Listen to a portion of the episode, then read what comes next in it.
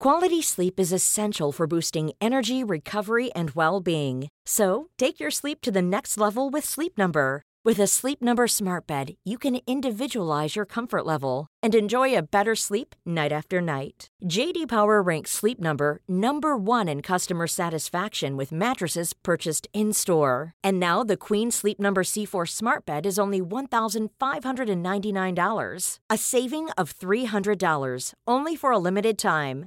For JD Power 2023 award information, visit jdpower.com/awards. Only at Sleep Number stores or sleepnumber.com. Hey, I'm Ryan Reynolds. Recently, I asked Mint Mobile's legal team if big wireless companies are allowed to raise prices due to inflation. They said yes. And then when I asked if raising prices technically violates those onerous two-year contracts, they said, "What the f*** are you talking about? You insane Hollywood ass." So to recap, we're cutting the price of Mint Unlimited from $30 a month to just $15 a month. Give it a try at mintmobile.com slash switch. $45 upfront for three months plus taxes and fees. Promo for new customers for limited time. Unlimited more than 40 gigabytes per month. Slows. Full terms at mintmobile.com. Ja. Ja, ja, ja. Spiller vi inn nå? Da spiller vi inn. Skal vi begynne, da? Da tror jeg vi kan begynne. Ok.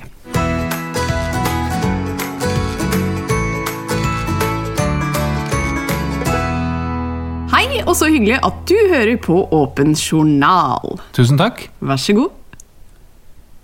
Nei, nå gjør jeg sånn som du gjør. Gir gir en sånn klein stillhet. Så fint. Men det som er fint, da, er at eh, vi i hvert fall har med oss vår faste annonsør, som er Boots apotek. Eh, Og akkurat som oss, så er de opptatt av å gi gode råd og tips. Ja, og tar du turen innom et Boots apotek, kan du være sikker på å få hjelp av dyktige farmasøyter og autorisert helsepersonell, som hjelper deg å finne løsninger på dine helseutfordringer. Og i dag så skal det handle om hva det vil si å ha en normal kropp. For hvor normalt er det egentlig å være normal? Hva legger vi i begrepet normal når det kommer til helsa vår? Hva er normal vekt og normal størrelse på en penis? Hi-hi-hi-hi. Det er ikke for å være morsom. Det er litt for å være morsom at du drar fram akkurat den kroppsdelen. Ja, men det som er at veldig mange googler det. Jeg, jeg har gjort litt research denne uka. her. Ja. Har du sett i min søkelogg, er det det? ja. Men det vi kommer til å snakke om også, er jo om vi kanskje heller burde snakke om eh, ordet annerledes i stedet for normal og unormal. Um, så her er det mye å ta tak i, og dette får dere høre mer om i dagens podkast. Spennende. Og så får vi besøk av en som har nesten like mange følgere som deg på Instagram, Harald. Oi! Hvem kan det Influencer være? Emma Ellingsen. Kollegainfluenser. Medieinfluenser. Emma Ellingsen.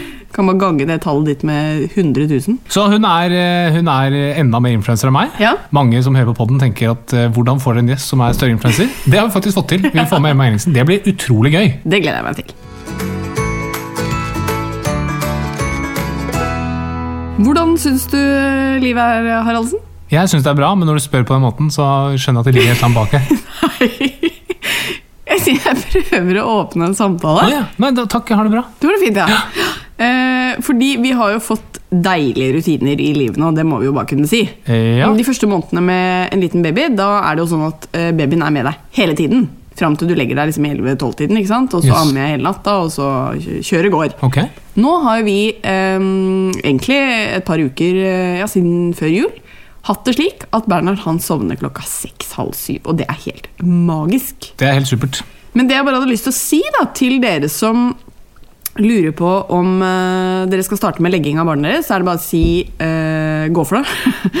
Livet får en ny mening etterpå. Det er veldig deilig å få litt kveldsfri. Men jeg hadde også bare lyst til å fortelle om uh, da vi skulle begynne med legging, hvordan du gikk fram. Ja. Ja, Dette er sikkert til læring og inspirasjon for andre småbarnsforeldre og potensielle småbarnsforeldre. kanskje.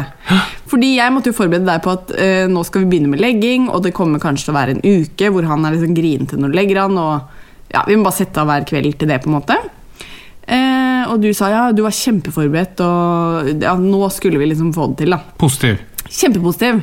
Så gikk det en time, og så kommer du da ned på kjøkkenet, og så sier du eh, at du lurte på om du kunne game litt med gutta den kvelden. Ja. Og så sa jeg, da prøver jeg å ikke være bitch. Så sier jeg du prøver på det innimellom? prøver på det innimellom.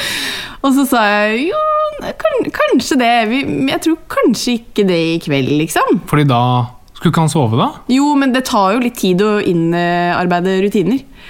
Og så fikk jeg deg med på det, da. Og så litt etterpå så kom du ned igjen og så sa du sånn Vet du hva, i kveld da ser vi en skikkelig god film. Åpner en flaske rødvin og bare koser oss. Positiv fyr? Ja, men Det var jo som at du hadde fått et drypp. Hvorfor det? Fordi det, Jeg vet ikke om dette gjelder menn generelt, men bare skjønner dere ikke liksom at på en måte dere har fått en baby, og at det krever sitt? Jo, men altså når de er lagt, så er jo de lagt. Ja, men Poenget var jo at vi ikke visste hvordan den leggingen kom til å gå. Men den gikk jo bra. Ja, Det var to dager med litt sånn eh, smokking. I smokk, våkne, smokk, våkne. Og nå går det så suser. Yes. Sliter fortsatt litt med at uh, får ikke kona til å legge seg. Så jeg får ikke helt fri. Nei, Men nå er det i hvert fall én husholdning som legger seg tidlig. ja. Det er deilig. Og så har vi- hva har vi lært? At du skal ikke si at barnet er snilt. Nei, nei, nei, nei, sa jeg det? Nei, du sa ikke. Nei, ok. Nei, fordi da er det visse folk som sier at eh, de syns det er litt vanskelig å gjøre fordi de kanskje har barn som ikke legger seg så lett, og da er det vondt å tenke at de ikke er snille, de barna. Yes, det handler ikke om det. Så det handler bare om flaks. Vi har hatt veldig flaks med Bernhard. Ja. Og det er jo, han har jo 50 av et relativt høykvalitets genmateriale i seg. Som er det- mitt. Som er mitt, og er det, mitt. så forutsetningen var der. ja. Men de resterende 50% har ikke slått så ille ut. Nei. Fantastisk. Så vi har, vi har vært, vært, vært flaks Ja. når det gjelder Bernhard. ja. Og så har vi jo den nye spalten, da, Doblausen. Ja. Eh, hvor denne uken er jeg. Yes. Yes. Som skal bidra til en forbedring i forholdet. Ja, eller eh, det har noe med forholdet å gjøre, vil jeg si. Yes. Ja, det skal, um, For dere som har hoppet inn i denne podkasten og ikke hørt tidligere episoder, så kan vi bare si at denne spalten skal eh, ja, rett og slett gjøre at vi pleier forholdet uh, i disse koronatider. ikke sant? Eller generelle tider, da. Ja, Uavhengig av korona, egentlig. egentlig. Men um, For vi har jo et turbulent forhold. Elleve år. Som vi sier, vi har vært sammen i elleve år. Med enkelte oppturer, men stort sett nedturer. du vet at folk kanskje tror det når du sier det. Det som er veldig gøy, Jeg har jo tullet med at jeg er veldig glad i julepynt. Ja. Og min mor er ekstremt glad i julepynt. Hun har julepynt overalt. Ja. Egentlig hele året. Ja. Nesten. Og så sa jeg at fordi du ikke er glad i julepynt, sa jeg at du hater jul. Og det trodde foreldrene dine på. Ja, fordi det spøkte du med, og det gjør jeg ikke. Som du sier at vi har et turbulent forhold, så tror folk det òg. Ok. Ja, Det er ikke turbulent. Fint. Men eh, denne uken er det jo min tur da, til å pleie dette forholdet. Ja, og jeg eh, kjenner at eh, spenningen stiger. Ja, det må du gjerne gjøre. Eh, Det gjør egentlig min også, fordi første gang jeg eh, kom med et forslag til hvordan vi kunne pleie forholdet, så eh, fokuserte jeg på ærlighet. Ikke sant? Og det er egentlig det som er temaet i dag òg. Ja. Det er en dårlig forutsetning. Eh, fordi helt siden vi ble kjærester i 2011, så er det én ting jeg har lurt på. Oi, Ja. Og som egentlig aldri har fått helt svar på. huff da. Ja. Og det er ikke noe jeg på en måte som plager meg i hverdagen, men tidvis så dukker det opp, og da tenker jeg hm, jeg skulle gjerne bare visst det der. Ok. Men du har unnlatt å spørre om det i ti år? Eh, nei, jeg har vel spurt, men du, du later som du ikke vet. Men det, det vi, i dag skal vi uansett komme til å begynne. Okay. okay. Fordi jeg spurte om du har mobilen din, ikke sant? Ja. Eh, kan ikke du åpne mobilen din? Jo. Og så går du inn på kontakter, Ja. og så Hva heter det første Få se. Uh, ja. Ja! Ja! ja. Hva står det der? Sexy lady, no stress. Ja, det, det er da en i din kontaktbok uh, som heter Sexy Lady No Stress. Ja. Eller du har laget et nummer, liksom. Ja. Og så har jeg flere ganger prøvd å spørre hvem, er, hvem var egentlig Sexy Lady No Stress? Ja. Og da har du sagt at jeg vet ikke. Og derfor har jeg nå flekka opp gule sider her. Nei. Og Facebook, Oi. sånn at vi kan finne navnet, og jeg kan Facebook henne. Og til vår produsent, eh, kjære Olav, han beeper selvfølgelig ut navnet. Okay. Folk generelt får ikke vite hvem Sexy Lady No er. Nei. Eh, vet du hvem det er? Jeg tror jeg vet hvem det er. Du har jo sagt at du ikke vet hvem det er! Jo. Nei! Men altså, jeg vet hvem det er. Det er bare å kjøre på gule sider. Hvem er det, da? Jeg tror det er en som uh, gikk på videregående med. Hvorfor heter hun Sexy Lady No Nei, det er jo noen som har tatt opp noe telefonnummer i, uh, under en, en viss påvirkning av en viss substans. Altså Grunnen til at det kommer opp, er at når man kobler med mobilen sin på i bilen, Ja. så kommer det opp liksom et utvalg av kontaktlisten. Ja. Og den starter da på de som starter med et nummer. Og hun heter da Sexy Lady No med tallet 6. Ja, så Hun dukker alltid opp når vi setter oss i bilen. egentlig. Yes. Det er derfor jeg sier at jeg blir minnet på det. Ja, Nummeret er Jeg kan vise deg det, da. Skal vi se Hvem er det? Okay. Uh, det er Å ja! søt jente. Ja! Tenker ikke umiddelbart Sexy Lady No Stress. Nei, altså du må huske at dette her er jo Jeg ble ikke bekymret, kan jeg si. Nei. Når du ser henne, eller? Generelt. Ja. Fordi jeg tenker at Hvis du skulle skjult noe på den mobilen, så hadde du kanskje ikke kalt henne Sexy Lady No Stress. Nei. Jeg ville heller gått og sett på nummeret som heter mamma, pappa, irriterende bilselger. Det er der du finner grumsen.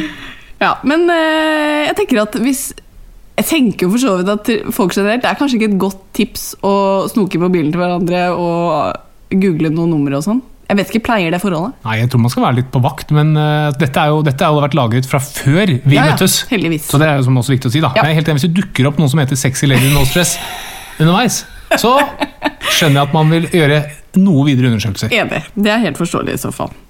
Men da er jeg betrygget og gleder meg dette, til neste dette, uke. du, har, du har løst oppgaven dårlig. Dette har ikke, ja, dette har ikke pleid forholdet. Nei, men det er mer at jeg får pleid min uh, nysgjerrighet. Ja, og da er- pleier vi forholdet. Det er ikke det spalten handler om. Vet du hva? Straffen din, Nei. du må gjøre det neste uke òg. Nei. Jo, Nei. sånn er det. Nei. Yes. Ok, Men da kan jeg gjøre hva som helst, og du kan ikke bruke det mot meg. Men du skal pleie, de skal pleie forholdet. Vi går over til neste spalte, som er På kornet med Bernhard. Ja, på kornet, ja. Ja. Og for de som ikke har fulgt med tidligere, så er det altså inspirert av Håvard Lilleleies eh, bok 'Store tanker fra små hoder'. Hvor man går gjennom sitater fra barn, fordi barn kan lære oss ganske mye. Og vi har jo i spalten har glemt det et par runder, men eh, at gjestene våre får lov å komme med tips til Bernhard. Ja, Det kommer tilbake nå, for det er flere lyttere som har savnet. Åh, det er godt å høre. Men dette er liksom Bernhards måte å gi tilbake på. Ja. Hvor Bernhard kommer med ulike sitater. Altså Han sier jo mye rart, da. Han er fem måneder. Han er 85. Han Og sier ikke så veldig mye rart. Alt som kommer ut av han Ja. kan det som er så fint, Barn de, de er så ufiltrerte. Også Bernhard. Mm. Ja. Så ofte det han sier, det kan være til glede for absolutt alle her. Okay. Ikke bare mor og far. Og hvem liker vel ikke når foreldre på Facebook skriver 'Å, hva lille Tulla sa i dag'? Ikke sant? Det er jo utrolig interessant. Veldig. Vi er veldig glad i det. Ja. Så denne uken da, så har jo Bernhard blitt litt mer interessert i ting rundt seg. Mhm. Han har fått liksom øynene opp for ting som er utenfor hans umiddelbare rekkevidde. Mm. eh, og, og den erkjennelsen av at livet er mer enn bare det vi kan ta tak i, det er ganske viktig. Mm. Det tror jeg vi alle kunne hatt glede av å tenke litt mer på. Mhm. Og det er litt med denne erkjennelsen Bernhard sa noe som jeg tror kanskje vi alle trenger å høre, ikke minst nå. Og det han sa, det var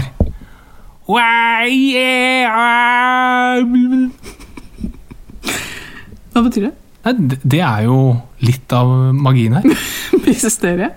Det er ganske godt sagt. Det er, det er som Bernhard sier selv, det er, på, det er tatt på kornet. Det er tatt på kornet. Og du har jo virkelig blitt litt skada etter at du fikk barn. Takk for det. Men uh, fin er du.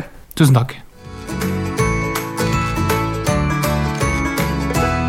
Da skal det handle om hva det egentlig vil si å ha en normal kropp. Hvor normalt er det egentlig å være normal, og vil vi egentlig være helt normale? Det er store spørsmål som krever en liten mann, nei da, en stor mann til å svare.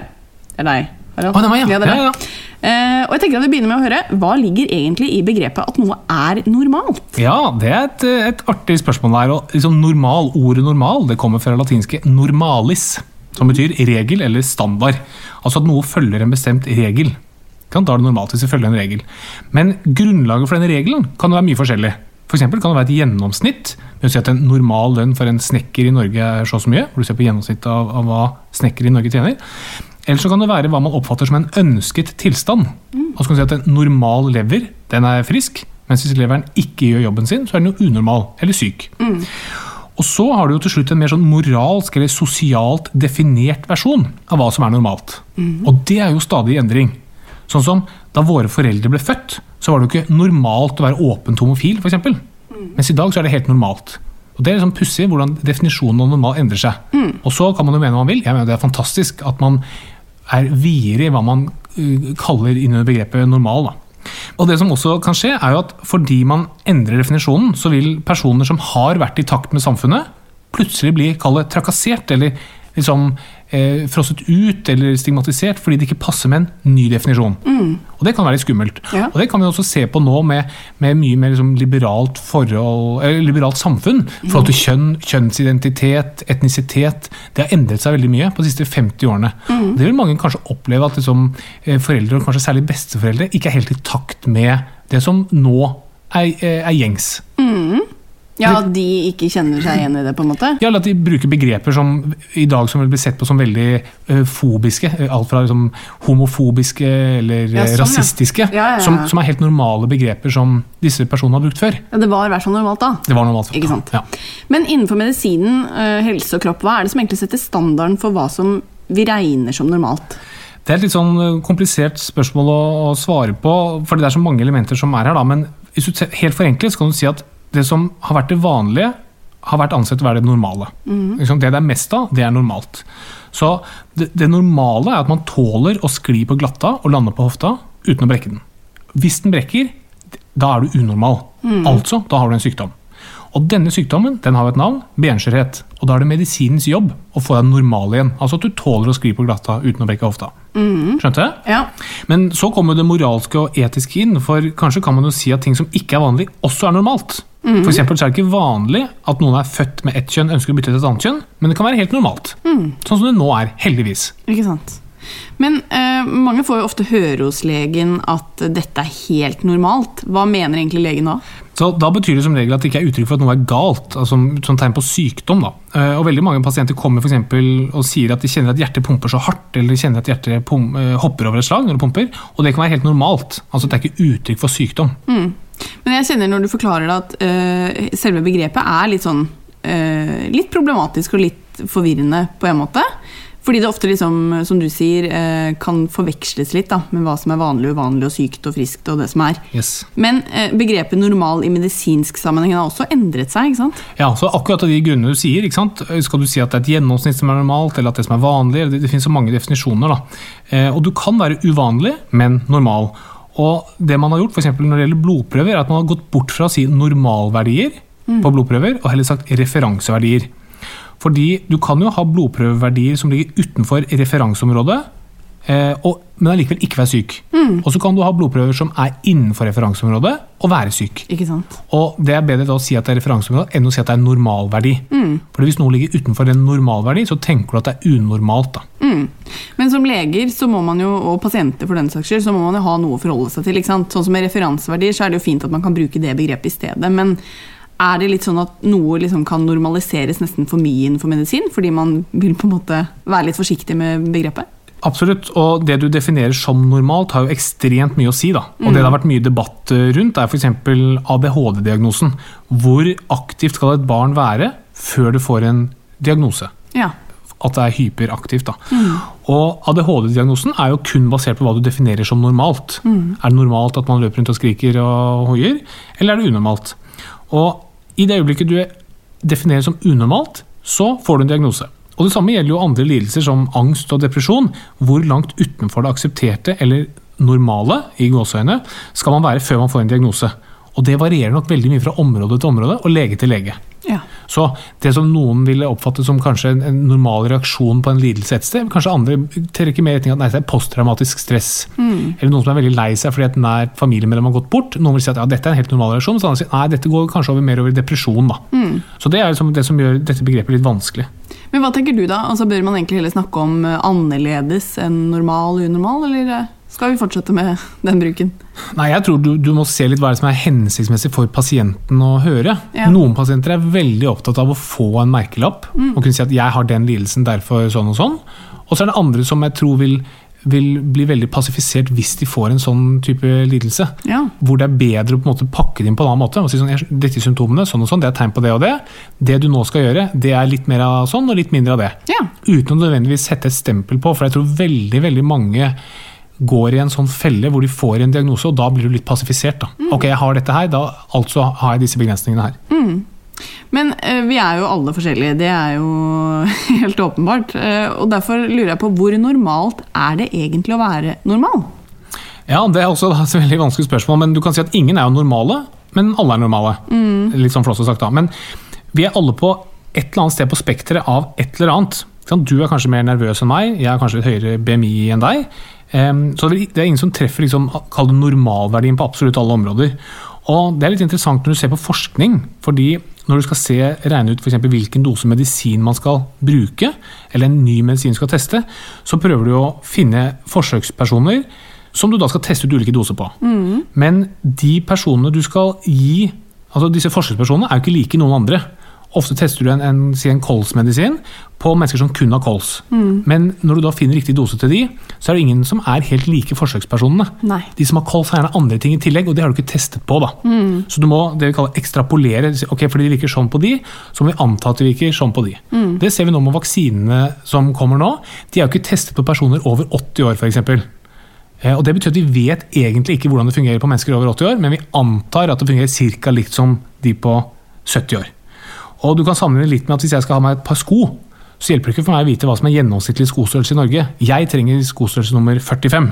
Så når du snakker om normalt og unormalt, det betyr mye i store grupper, mens på individnivå betyr det ikke så mye. Nei. Men likevel er jo folk veldig opptatt av hva som er normalt. ikke sant? Eh, I hvert fall hvis du sjekker Google-søkehistorikken til folk, så er det eh, veldig vanlig da, å google liksom, hva er normal ditt og datt. Um, og jeg, det vil også bare legge til at Jeg tror det er en balansegang mellom å ha et vidt nok begrep til å si hva som er normalt, at ikke folk skal føle seg utenfor. Mm. Men jeg tror, jeg tror personlig også det kan svinge litt andre vei.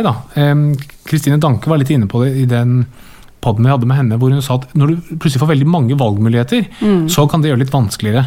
Nå skal vi jo snakke med Emma Ellingsen etterpå, som er en fantastisk eh, dame. En utrolig kul historie. Og det har vært veldig mye debatt om. Er det normalt å ville bytte kjønn? Nå er det mange som argumenterer med at du kan ikke si at du enten er gutt eller jente. Du er, liksom, du er kanskje litt sånn og litt sånn, og liksom, plutselig finnes det veldig mange definisjoner på kjønn. Og det, det tror jeg er veldig fint, at alle skal føle seg inkludert. men jeg tror samtidig at jeg er litt sånn redd for å bidra til mer forvirring. da. F.eks. når det gjelder Bernhard. så finnes det mange som argumenterer sånn Han skal ikke oppdra som en gutt, han skal ikke få høre at han er gutt. Han skal fortelle deg hvilket kjønn han identifiserer seg som.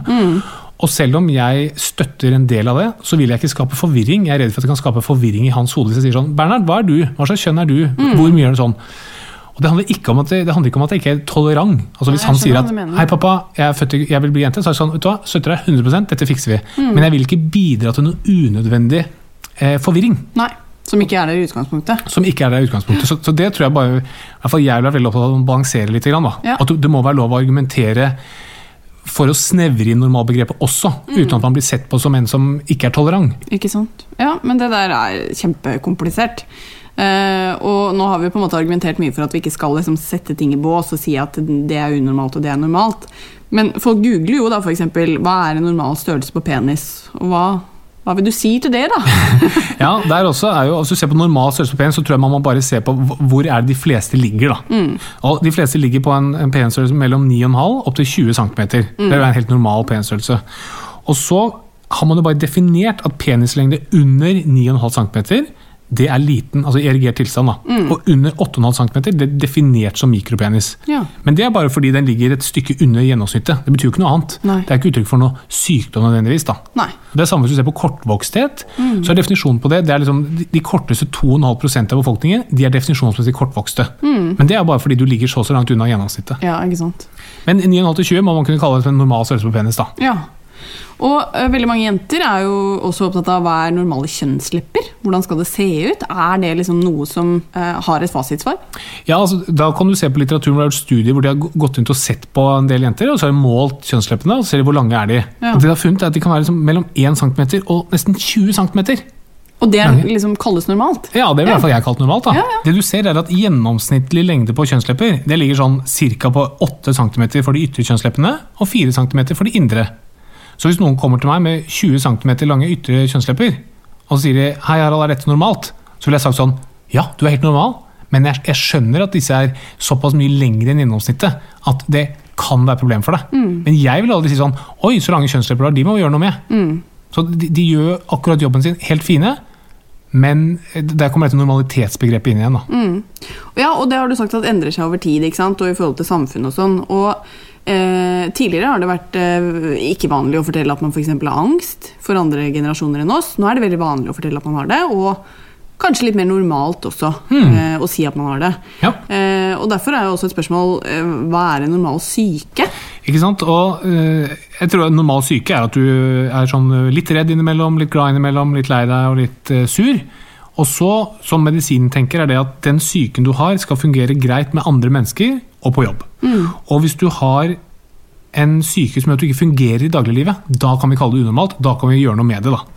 Men at, at man opplever liksom alle deler av følelsesspekteret innimellom, det er jo helt, eh, det er helt normalt, og jeg tror det er veldig fornuftig. Altså, du, du må ha det for å ha et fullkomment liv. da. Ja. Og noe som varierer veldig eh, mellom folk, er jo søvnbehov. ikke sant? Og det er også noe folk lurer veldig på. Hva er et normalt søvnbehov? For noen sier jeg, jeg må ha tolv timers søvn, mens andre sier jeg må ha fem. Ja, så det, er også bare definert ut, når du har gjort studier på hvor lenge folk sover, og hvor lite som gjør at man blir, generelt blir dårligere, altså på gjennomsnittsnivå. da. Så at der sier man at for voksne, hvis du sover mellom seks og ti timer hver natt, så er det normalt. Men hvis noen kommer til meg og sier sånn, Harald, jeg sover 11 timer om natten og har det helt supert, så gjør ikke jeg si at det er unormalt. Nei. Så igjen, du må huske at Når du forsker og lager sånne referanseverdier, så ser du på populasjonsgrupper. Du sier at ok, 99% av folk sover mellom 6 timer og 10 timer. Så bare sier, ok, da sier vi at alt utover det er unormalt. Men, men det stemmer jo egentlig ikke. Nei. Fordi noen ligger utenfor. Mm. Samme på en blodprøveverdi. Referanseverdi, så ser du på, du tar blodprøve av 1000 mennesker som er friske, og så sier du ok, hvor er det 95% av de ligger innenfor? Men allerede der sier du at 5% ligger faktisk utenfor eh, referanseverdien. Så det er det som gjør begrepet normalt litt vanskelig. Ja. Men jeg tror det viktigste er at folk må få lov til å føle seg normale, selv om de kanskje er uvanlige. Ja.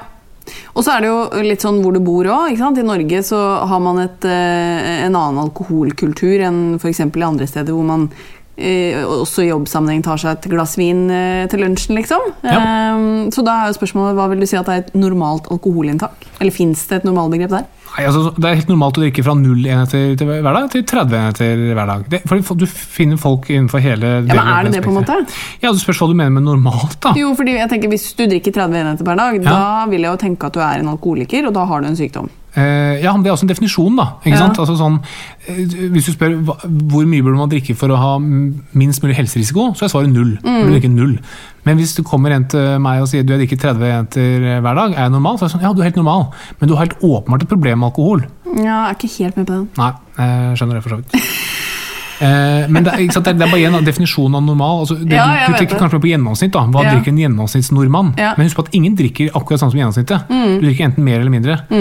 Så, um, Ja, Eller kanskje jeg motsier meg selv når jeg sier at jeg ikke er med på det. Altså, Jeg synes det med normal er vanskelig. ja, det, det, det er veldig vanskelig, men jeg tror det viktigste er at folk må ikke føle seg unormale, Nei, selv om de devierer fra eh, gjennomsnittet. Mm. Absolutt. Og der tror jeg vi leger også har en viktig jobb eh, ofte. At eh, det kanskje folk gjerne bare vil vite når de kommer med et problem, da, og kanskje det er et pinlig problem, er at, at de gjerne vil bare høre at dette er normalt. Ja, altså når du, når du har det sånn som menneske, så er det normalt. For det finnes en eller annen grunn til at du har det sånn. Det finnes en grunn til at du drikker 30 enheter hver dag. Mm, Så ja, du har et problem, og du, har, eller du vil ha det et medisinsk problem. Mm. Men det er jo ingen, hvis du drikker 30 enheter hver dag og er superfornøyd med det, så er det ingen som har noe rett eller lov til å komme og gjøre noe med deg da. Nei, Med mindre det går utover noen rundt deg, da. Det er for så vidt riktig hvis det er liksom du skader folk eller noe sånt. da. Men, men eh, ja. Men eh, som alle skjønner, dette er kompliserte greier. Eh, og det endrer seg jo med tiden man lever. ikke sant? Innenfor medisinen det var normalt med lobotomi, altså skjæring i hjernevev for å behandle psykiatriske sykdommer. Eh, og det er jo sikkert noe vi behandler i dag som vi kommer til å se tilbake på og tenke på at helt feil. Helt garantert. Og det føler jeg meg ganske åpen om også. og Da har vi studert medisin og leger også imellom. Alle sier det, at det, bøkene er utdatert om ti år. Vi kommer til å se tilbake og si sånn, shit, hva var det vi egentlig gjorde? Men det er vanskelig nå å si det, da. Og når jeg nå sier ikke sant, jeg, For meg er det liksom viktig at Bernhard føler støtte uansett hvilket kjønn han identifiserer meg med. Men jeg, jeg vil prøve ikke bidra til mer forvirring. Så kan det godt være at om ti år så er det sånn fy faen, Harald er jo helt uh, kjønnsfobisk, han. Som ikke liksom gir han alle uh, muligheter. Ja. Og det, det, er liksom, det er liksom litt vanskelig, Mm. eh, men det må man bare stå i. Ja. Og sånn vil det være både fremover og det var sånn bakover. og... Ja, men jeg, jeg tror Hvis du ser sånn trenden, så er det at det skal, du skal være minst mulig slem. Du skal, liksom, du skal tolerere mest mulig. Ja. Både i forhold til med rasisme og med, med transkjønnethet og med seksuell legning. Alt går i retning av at alt er greit og alt er fint, og det er en veldig fin retning å gå i. da. Denne uken så har det kommet inn et lyttespørsmål som er relatert til organdonasjon. Hei, jeg er selvsagt organdonor selv, og eh, lurer på om et organ kan doneres flere ganger. Altså kan et organ leve videre i flere personer, eller kan det til slutt bli forslitt? Ja, artig spørsmål. eh, og svaret er ja. Et organ kan doneres flere ganger. Kan det? Ja. Er det sant? Men når et organ transplanteres til en ny person, så kan jo livet i denne nye personen være ganske tøft. Fordi de som trenger et nytt organ, er ganske syke. Så det betyr at organet kommer inn i en sliten kropp, som regel, og da er det ofte at det blir sliten selv. Da. Men så lenge det fungerer greit, og det tester man alltid før en organdonasjon, så må du se at organet fungerer, så er det ikke noe problem å sette over en ny kropp. Og det jeg tenker vi kan også si, er at eh, oppfordre folk til å bli organdonor. For det er faktisk noe som kan redde hele syv liv. Nei! Visste du det? Ja. Eh, og for å bli organdonor så trenger du bare informere dine pårørende om at du er, eh, sier ja til det. Eller så kan du laste ned en app, eller gå inn i en sånn eh, Jeg tror du kan også gjøre det på helse... Hva heter det? Helsenorge.no. Eh, så bli organdonor. Det, Og det som er viktig å vite, du gir jo ikke bort organet før du eventuelt dør. Da. det er jo fint at du som doktor kan være med å rydde opp for oss vanlige lekmenn som ikke forstår det. Nei. Fantastisk. Ja, Takk for hjelpen. Likeså.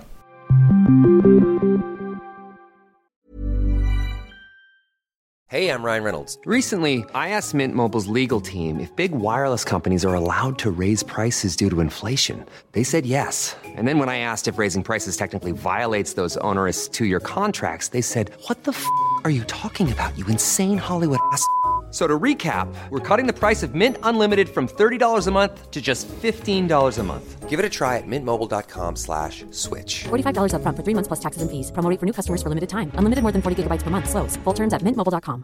Quality sleep is essential for boosting energy, recovery, and well being. So, take your sleep to the next level with Sleep Number. With a Sleep Number smart bed, you can individualize your comfort level and enjoy a better sleep night after night. JD Power ranks Sleep Number number 1 in customer satisfaction with mattresses purchased in-store. And now the Queen Sleep Number C4 smart bed is only $1,599, a saving of $300 only for a limited time. For JD Power 2023 award information, visit jdpower.com/awards. Only at Sleep Number stores or sleepnumber.com.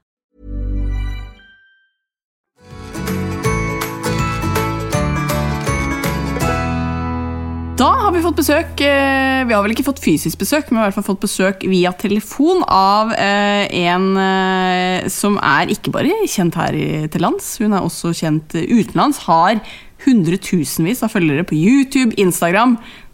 Litt flere enn deg, Harald. Dessverre. Eh, hun er kjent fra bloggerne, skrevet bok. Eh, det er mye som skjer om dagen. Velkommen, Emma Ellingsen. Tusen takk. Takk. Du, altså, Hvor gammel er du? Nå er jeg 19.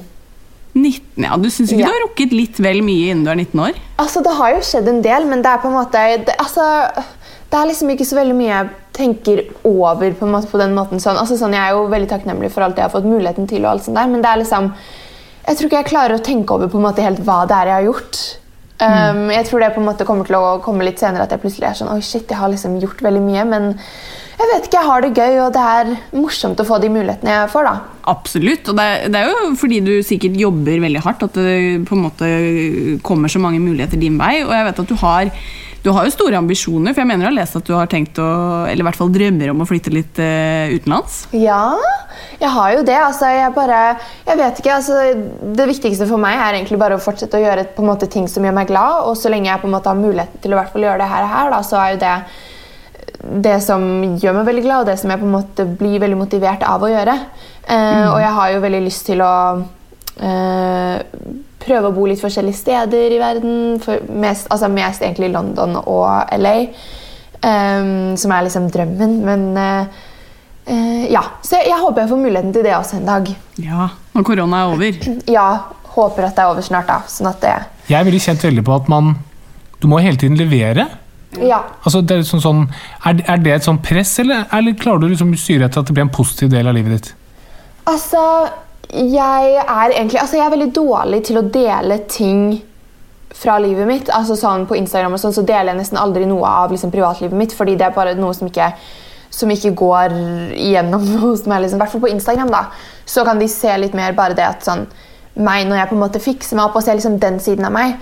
Um, Og så føler jeg sånn på YouTube og sånn, så er det jo ofte Da er det jo veldig sånn Da, da deler jeg jo litt, men da er det litt mer sånn så, så man på en måte får se litt mer den ekte meg på YouTube. da vil jeg si. Liksom Meg uten sminke, meg i koseklær, meg som ser helt jævlig ut. liksom Det, det, er, mer, det er mer YouTube, og så er Instagram mer sånn fiksa og alt sammen, liksom. Ja, for Der lurer jeg på, liksom, eh, der er vi liksom forskjellig generasjon. fordi vi har jo vokst opp Vi har jo selvfølgelig en høres som er 100 år gamle, vi har jo Instagram nå. Men da vi vokste opp, så kom jo Facebook. eh, da vi gikk på ungdomsskolen. og sånt, tror jeg. Ja. Så vi eh, ble på en måte ikke utsatt for alt det der med liksom fine bilder og ja, hvor flott alt kan være. da. Nei. Tenker du noe over liksom, det du legger ut i form av at du sier at du på en måte legger ut ting hvor du er styla, ikke sant? og det er det kanskje folk liker eller gir mest likes òg, da. Men hvor mye Ja. er bevisst er du på hva du legger ut i forhold til det? Altså, For meg så føler jeg liksom Instagram er liksom ikke noe sånn det, det blir liksom ikke Jeg føler ikke det er en veldig god representasjon av livet mitt. Men det er på en måte ikke heller det jeg føler jeg vil at min Instagram skal være. Jeg på en måte elsker den følelsen av at jeg på en måte fikser meg og på en måte har en liten fotoshoot. da. Um, Og at det på en måte bare blir bilder som, er, som kan være fine å se på, som kan være inspirerende. Det er klær, sminke, liksom sånne type ting. da. Og jeg, jeg tror også egentlig det kan være litt dumt, for nå i det siste så har jeg liksom begynt å tenke sånn Oi, shit, altså sånn det er jo livet mitt, og det er jo ofte jeg bare er sånn, går forbi en fin vegg og er sånn Ok, kan du ta et bilde av meg her, liksom? Så det, det er jo ikke det at de på en måte ikke er ekte. Men, men jeg, jeg vil egentlig bli litt flinkere på å vise litt mer av meg også, sånn at folk ikke får en, et feil bilde da, av hvordan jeg er. eh, og at folk skal tro at jeg ser sånn ut hele tiden. fordi det føler jeg liksom, For det første så kan det være negativ påvirkning for andre, men det kan også være negativ påvirkning for meg. da, At jeg på en måte må føle at jeg må se ut som jeg gjør på Instagram enhver tid, sånn at jeg ikke skal liksom føle at jeg på en måte faker det. Um, Du er jo på en måte i en litt sånn utsatt posisjon fordi du, eh, du altså, det er så mange som mener noe, ikke sant? Kommenterer på deg. Og jeg så at du lagde en sånn YouTube-video hvor du eh, Jeg tror du snakket med haters, liksom. Eh, og det, det er jo på en måte Det må jo være relativt tøft. Du er 19 år og liksom stå i å få så mye meninger om seg selv. Jeg hadde ikke tålt det, og vi er jo 31. Ja, altså For meg så går det egentlig veldig fint når det kommer til hatkommentarer. Jeg har liksom aldri blitt noe påvirka av det. Eh, så det er jeg veldig glad for og veldig takknemlig for. Men jeg, eller jeg føler sånn, selvfølgelig så har man en reaksjon til enhver kommentar man får. Mm. Om man på en måte om det er en negativ eller positiv reaksjon, så er det i hvert fall en reaksjon. Og jeg, jeg får jo ikke akkurat sånn Jeg blir ikke glad når jeg ser en hatkommentar, men jeg på en måte Jeg bare har aldri på en måte latt det påvirke meg på den måten at, jeg, at det går utover dagen min. da. Um, og jeg synes jo Det er liksom trist å se, men jeg, jeg syns ikke det er så veldig trist overfor meg. Jeg synes det er mer trist overfor dem som sitter der og klarer det. Og jeg bare vet selv at jeg hadde aldri klart å skrive en sånn kommentar. Og det er da jeg bare er sånn hvor, hvor er det jeg og de på en måte har gått forskjellig? da? Hvor er det liksom tankene våre er så forskjellige? Ja, jeg syns bare det er Jeg syns mer, mer synd på de, liksom. Bra! Altså, ja takk til litt av den eh, innsikten der, tenker jeg da. Ja, men er, jeg også, man kan jo se det at folk kommenterer mye rart. og Jeg har en, en bekjent som jobber i det som før het Statoil. Og Statoil de har alltid hatt et tilbud som heter en wiener for en tier. Ja. Ja. Ehm, og så måtte de slutte, eller de måtte øke prisen, for det begynte vi for fem år siden. Sånn, så det ble, det ble wiener for 15 kroner. Men det har alltid stått på Statoil-stasjonene sånn alltid en wiener for en tier. ja. Og når de økte prisen i 15 kroner, så det var så mye hat og dritt at de måtte Ja. sette en fulltidsperson til å bare betjene folk som ringte og sendte meldinger og som var helt i harnisk. da. Å. Sånn at, og etter jeg hørte det, så tenkte jeg sånn, ok, det er jo mye rart da, Mye der ute som, som kommenterer, og det er mye overskuddstid og energi som blir kanalisert i, i, de, eh, i de kanalene der. Ja. Ja, ja, men altså, Men- det er alltid noen som har noe å si, liksom. Men um, vi har jo eh, invitert deg til denne helsepodkasten, og syns jo det er litt spennende å høre. Hvor, hvor opptatt er du av egen helse? Altså, jeg vet ikke. Jeg er, altså, jeg er jo opptatt av egen helse, men jeg tror på en måte med meg så Altså, jeg, jeg vet ikke. Altså, sånn, jeg er egentlig litt dårlig på sånn med helse. Det er liksom sånn, Jeg er veldig sånn opptatt av det, og jeg er veldig redd for ting. Og jeg er veldig sånn paranoid. Sånn Har jeg vondt i armen, så tenker jeg liksom det verste. Um, men altså sånn, jeg, jeg vet ikke. Jeg kunne ønske jeg var litt flinkere på helse. rett og slett. Altså sånn, Å bare være flink med kroppen min, med hva jeg spiser, og gå tur og liksom sånne type ting. da, Det er jeg ikke akkurat så veldig flink på, men, men, Men sånn basert ja. på liksom ditt, ditt fysiske ytre, så ser det ut som du er sånn tålelig flink til å både spise ikke altfor gærent og holde deg sånn litt i bevegelse. Ja, altså jeg er jo det. Men uh, jeg føler alltid jeg kan bli litt flinkere. Det føler, tror jeg vi alle føler, egentlig. Ja. Men du sier at du er sånn hvis du får vondt i en arm, så tenker du det verste. Vil du si at Ja. du er hypokonder? Ja. Ja. Er du mye syk, da? Altså, nei, egentlig ikke. Det er liksom Eller jeg er jeg, jeg vet ikke, jeg har på en måte alltid hatt litt sånn problemer med sånn mage og liksom sånne ting. Det er liksom sånn Ja, nå fant jeg nettopp ut at jeg kanskje har glutenallergi. så det er liksom sånne ting. Det er liksom Jeg, jeg vet ikke, jeg ikke, jeg er ikke mye syk, men det på en måte Jeg er vel kanskje litt mer enn andre, vil jeg tørre å påstå. Og det kan jo være mm, fordi at jeg på en måte også bare blir litt paranoid og føler jeg kanskje er mer syk enn det jeg egentlig er. Jeg tror, jeg tror absolutt det, Ma. Jeg tror det du sier med at jeg føler kanskje litt mer syk enn andre, jeg tror alle går med den samme oppfatningen. Ja. Så det er litt det vi snakker om i denne episoden her, dette med hva er normalt, ikke sant? Hva er Ja. det som er vanlig, og dette med å liksom få ting litt opp på dagsorden bidrar til at flere kanskje føler seg normale. Da. Vi har snakket Ja. litt om dette med, med psykiske lidelser som angst. Ikke sant? Det er mye lettere å snakke om at man har angst nå enn det var for kanskje 10-15 år siden, og det tror jeg er veldig bra at folk skjønner at det er ikke alt som er så glossy og perfekt eh, hos alle. Så det du sier med at ja, jeg er sunn, men jeg kunne trent mer, det tror jeg alle går og kjenner på også. Ja, ja, absolutt. Veldig sant. Men vi har snakket om um, det begrepet normal i dag, da, eh, tidligere i denne episoden. Uh, og uh, også litt sånn hvor normalt er det å være normal? Fordi vi alle føler oss jo egentlig litt sånn annerledes på et vis. Hvor normal vil du si at du føler deg? Altså, jeg Jeg vet ikke. Det er litt vanskelig på en måte å, å, å si, fordi jeg føler liksom sånn På en måte, hva er normal? Men, men jeg, altså, helt ærlig så føler jeg meg mye mer normal enn det jeg tror folk ville trodd. Altså, jeg Jeg vet ikke. Jeg, jeg på en måte Jeg føler meg egentlig veldig normal. Det er liksom Ja, men det er veldig veldig godt å høre. Ja, det er, jeg føler liksom ikke at det er noe spesielt med meg i det hele tatt. Og det er på en måte Ja, jeg, jeg vet ikke. Jeg føler meg, jeg føler meg egentlig veldig normal. Det er jo fantastisk. og det som, ikke sant, Sånn som Katarina har jo eh, diabetes, og det er en sykdom som for, for 50 år siden så ville den hatt et helt annet forløp. da. Eller si Ja. For 100 år siden så hadde man ikke medisiner til det. Har, har du, den liksom reisen som du har vært igjennom, har du, har du liksom, tenker du noe på hvordan den hadde vært for 100 år siden? Eller liksom hvordan ting hadde sett ut da? Ja, altså jeg gjør jo det, men samtidig så er det, jeg synes det er litt vanskelig å sette meg i den situasjonen. For jeg, det, altså det hadde jo vært helt annerledes. Jeg hadde jo sikkert liksom blitt fengsla. Altså sånn jeg, jeg vet ikke, jeg tror, jeg tror Hvis det hadde vært 100 år siden og jeg hadde vært i den situasjonen jeg er i nå, så tror ikke jeg i det hele tatt at jeg hadde klart å en gang på en måte komme ut da, eh, og si det. For jeg føler at det hadde vært helt annerledes. Så, så jeg, jeg, jeg tenker over det, og, jeg, og det, er jo, det er jo så rart å tenke på at, på måte at verden kan forandre seg så mye på egentlig veldig kort tid. Ja, jeg er bare veldig takknemlig for at jeg på en måte vokser opp nå, da, og at jeg har hatt det livet jeg har. da. Men jeg tror jo veldig mange tenker at, eh, at eh, det at du har på en måte eh, stått fram og var med i den eh, serien som du var med i, 'Født i feil kropp', eh, du har skrevet en bok ikke sant, om, Ja. om din reise. Du er jo mye av grunnen til at veldig mange sikkert tenker at eh, de er normale, da, selv om de føler seg annerledes. ikke sant? Ja. Eh, hva tenker du om liksom det? Nei, altså, Jeg syns det er veldig hyggelig å høre, og det er på en måte det jeg har hatt lyst til.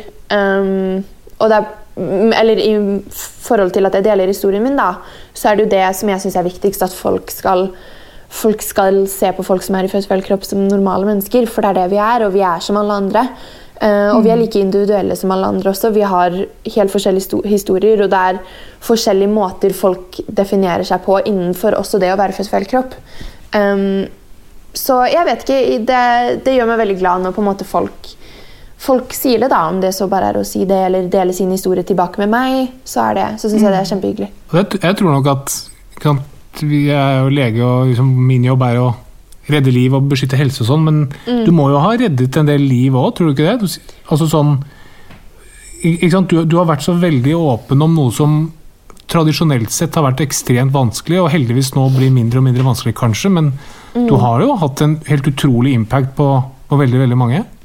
Ja, ja, altså Det er jo Altså, Jeg har jo fått meldinger som er veldig på en måte rørende, da, og som er veldig koselige å få. Og det er jo veldig mange som også som er gamle også, og unge. Det er liksom fra alle aldersgrupper. Så det er jo på en måte jeg, jeg vet ikke, jeg syns det, det er rart at på en måte jeg bare Ved at jeg har delt historien min, da, så er det så mange andre som har fått hjelp. Uh, og Det er derfor jeg syns det er så viktig at på en måte hver og en person som har, har en historie de har lyst til å dele, om det så er en liten ting eller stor ting, så er det verdt det. For det er andre som kan relatere, og andre som kanskje kan få hjelp ut av den historien. Um, så ja, jeg vet ikke. Jeg, jeg syns det er veldig, veldig gøy å høre. Og så et litt, Det er et sånn vanskelig spørsmål, Emma. Hvis du syns det er sånn upassende, så må du bare si ifra. Men Ja. vi snakket jo litt med at sant, vi fikk jo en sønn nå for fem måneder siden. Og det som jeg i hvert fall kjenner litt på, er liksom den balansen mellom å være tolerant og åpen for at han skal være akkurat den han er, og kjenne på akkurat de følelsene skal være, men uten at man skal liksom skape noe mer forvirring enn det som er nødvendig. Sk- Hvis du, skjønner du den avveiningen litt? At ikke sant, han Ja. er jo på en måte født inn i en guttekropp, og, og sånn støtte han på det, og, men, men samtidig helt være åpen at hvis han føler at det er feil for han, så må det være helt greit, men uten at man skal unødvendig bidra til noe forvirring. Ja, ja, ja. Nei, men absolutt. Og jeg, jeg tror, det som jeg tror er egentlig viktigst når det kommer til barn, er det at det, om det så er en fase, øh, så har ikke den personen som skal gå gjennom det, mulighet til å verken ta en operasjon før den er 18, eller noe som tar et permanent valg før den er 18. Og det er da jeg tenker da at da har man på en måte blitt såpass gammel at man klarer å se om det du på en måte har gått inn i, er noe som kommer til å gå over, om det bare liksom er en fase, eller om det faktisk er, er den du er. da. Uh, og Det er derfor jeg synes det bare er viktig at man på en måte bare hører på barna sine. Og, og hvis de har lyst til å enten bruke kjole eller leke med dukker, så på en måte bare si ja til det, liksom. Altså, det, er jo, det er jo ikke noe farlig, og jeg tror, jeg tror det er det folk i hvert fall som jeg har sett, er det at folk er sånn Å ja, men du kan ikke la barnet ditt eh, Si hvis barnet ditt er biologisk født gutt, så kan du ikke la det barnet bli en jente i en alder av tre år, fordi da da går det liksom aldri an å gå tilbake. Men, men jeg tror det barnet har sterkere tanker enn det man på en måte tror. Da, og jeg tror det barnet vet mye bedre enn det folk på utsiden tror. Um, For det er jo det barnets tanker. Og så, så er det ikke noen permanente valg før, før man er 18. Nei. Ja, For du kan jo, ikke sant, Noen vil jo si at hvis vi hadde fått en datter i neste runde, da, Mm. så, så er det liksom sånn Sånn kjønnstypisk at du kjøper en brannbil i gaven til Ja. gutten, og så kjøper du en dukke til jenta. Ja. Og så er det jo litt sånn at det vokser fram med litt sånn at det, det blir feil, at du må liksom gi kjønnsnøytrale leker til begge to. Ja. Men det er liksom noe med å igjen da, være åpen for alt, men uten å skape noen forvirring. Så du skal ikke stoppe hvis Berna vil leke med dukker, så er det helt topp. Nei. Men det betyr ikke at man trenger å dytte han i retning av det.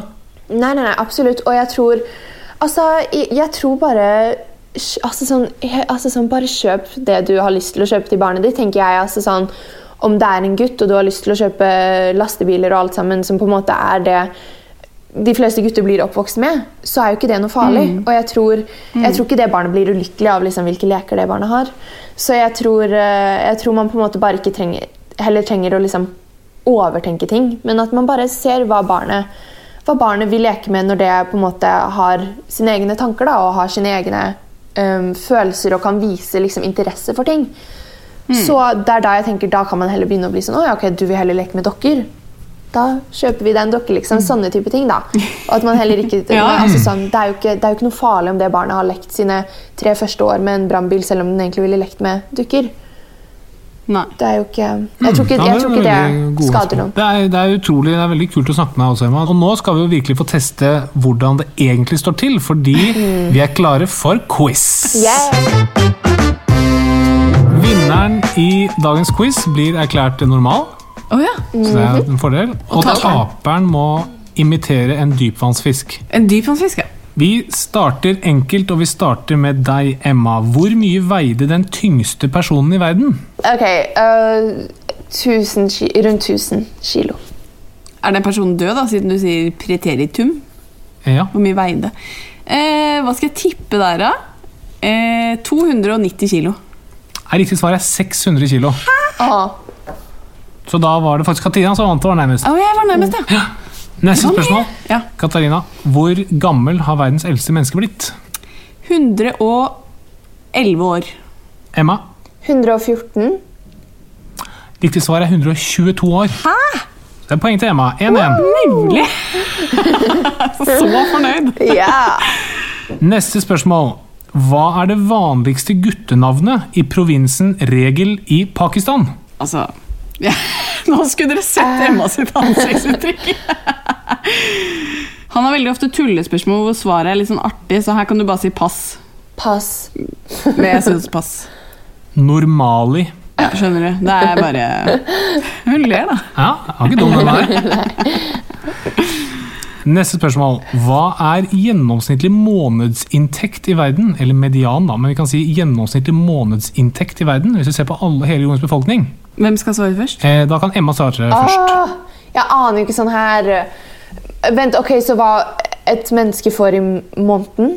Eller tjener, Ja, i, måneden? tjener i måneden. Ok, jeg sier bare 50 000. 50 000. Katarina? Jeg sier eh, 200 000. Oh. 200 000 i måneden, ja. Det var bra. Vi, riktig svar. Nei, nei, nei! nei, nei, nei. Jeg tenkte årslønn. Jeg tenkte årslønn. Ok, men det er ca. 16 000 eller noe sånt, da. Ja. Så gjennomsnittlig månedslig årslønn er 2500 kroner i måneden. Å ja, seriøst? Jeg mente ikke 200. kroner. Oh, ja, men nå ble jeg litt flau. Ja, jeg òg. Altså, vi er jo åpenbart eh, Vi er ikke helt eh, Vi er ikke så gode på hva som er normalt og gjennomsnittlig. Nei. Neste spørsmål er da Hvor lenge må en gjennomsnittsperson spare alt de tjener for å kjøpe seg en ny iPhone? Start med deg, Katarina. Hvor, eh, hvis de tjener 2000 i måneden, var det det de gjorde? Men er det før eller etter skatt? Eh, dette her er nok før skatt. Da er det eh, De må spare i tolv måneder. Ok, Hva sier du, Emma? Uh, jeg sier elleve måneder. Ja, Da er det Emma som er rett, for det er ca. et halvt år. da Nei! Fordi ikke sant, du tenkte skatte, oh. De skatter jo ikke like mye som i Norge. Nei, ikke sant. Men, men tenk litt på det. Ikke sant? Vi, er, vi er opptatt av mye her i Norge, men folk tjener altså i snitt lite om å spare lenge for å få seg en iPhone. Ja. Ja. Hvorfor kjefter du på meg nå? Jo, for du skal vite hvor heldig du er. Skjønner du, eller? Neste spørsmål, dette er siste spørsmål. Oi, hvem leder? Emma leder. Nei! Ja, er det sant? Og neste spørsmål lyder som følger. Emma, du skal svare først. Hva synger Wenche Myhre i sin sang? Altså, hva synger Wenche Myhre i sin sang? La meg være tung. La meg være en smellbongbong. La meg være din dritt. Eller la meg være ung. La meg være ung. Katarina? Jeg går også for det. Det er helt riktig. Det var Yay! poeng til begge to. Men vi har kåret en vinner i dagens quiz, og det er Emma Ellingsen! Hipp hurra! Og vi gleder oss Aldri. veldig til taperen, stud med Katarina Flatland Doblaug. Nå Ja. skal være en dypvannsfisk i Ja. fem minutter. Eh, Ikke fem minutter, i fem sekunder. 15 sekunder. Eh, mm, mm, Det er en dypvannsfisk. De, du får ikke mer av den. Og så avslutningsvis så pleier vi alltid å um, spørre gjestene våre om et tips til Bernhard, altså vår sønn. Vi vil jo at han skal vokse opp og bli en uh, veldig trivelig, fin fyr som Ja. er god og snill mot alle. Og da tenker vi at hvem er vel bedre uh, til å komme med tips enn uh, kloke Emma? Ikke sant? Så tanken er at han vet jo ingenting. Eh, vet vi må lære han absolutt alt. Ja. Så da er, det, er det et eller annet du tenker at det er viktig at han vet nå? Ja. Da tenker jeg at alle er forskjellige, og at alle er like mye verdt. Den er er fin, og veldig fin i denne episoden hvor vi snakker om hva som er normalt. Ja. Men du, eh, Emma, det var kjempefint å ha deg som eh, gjest. Tusen Ja. hjertelig takk for at eh, du deler og eh, er så klok og fin. Det er vi så glad for. Eh, Ja. Og gratulerer med seier igjen. Tenk Jo, at jeg takk. tapte den der. Det var bittert. Bittert. Vi er tilbake neste uke. Hei da! Ha det! Ha det! Plan B.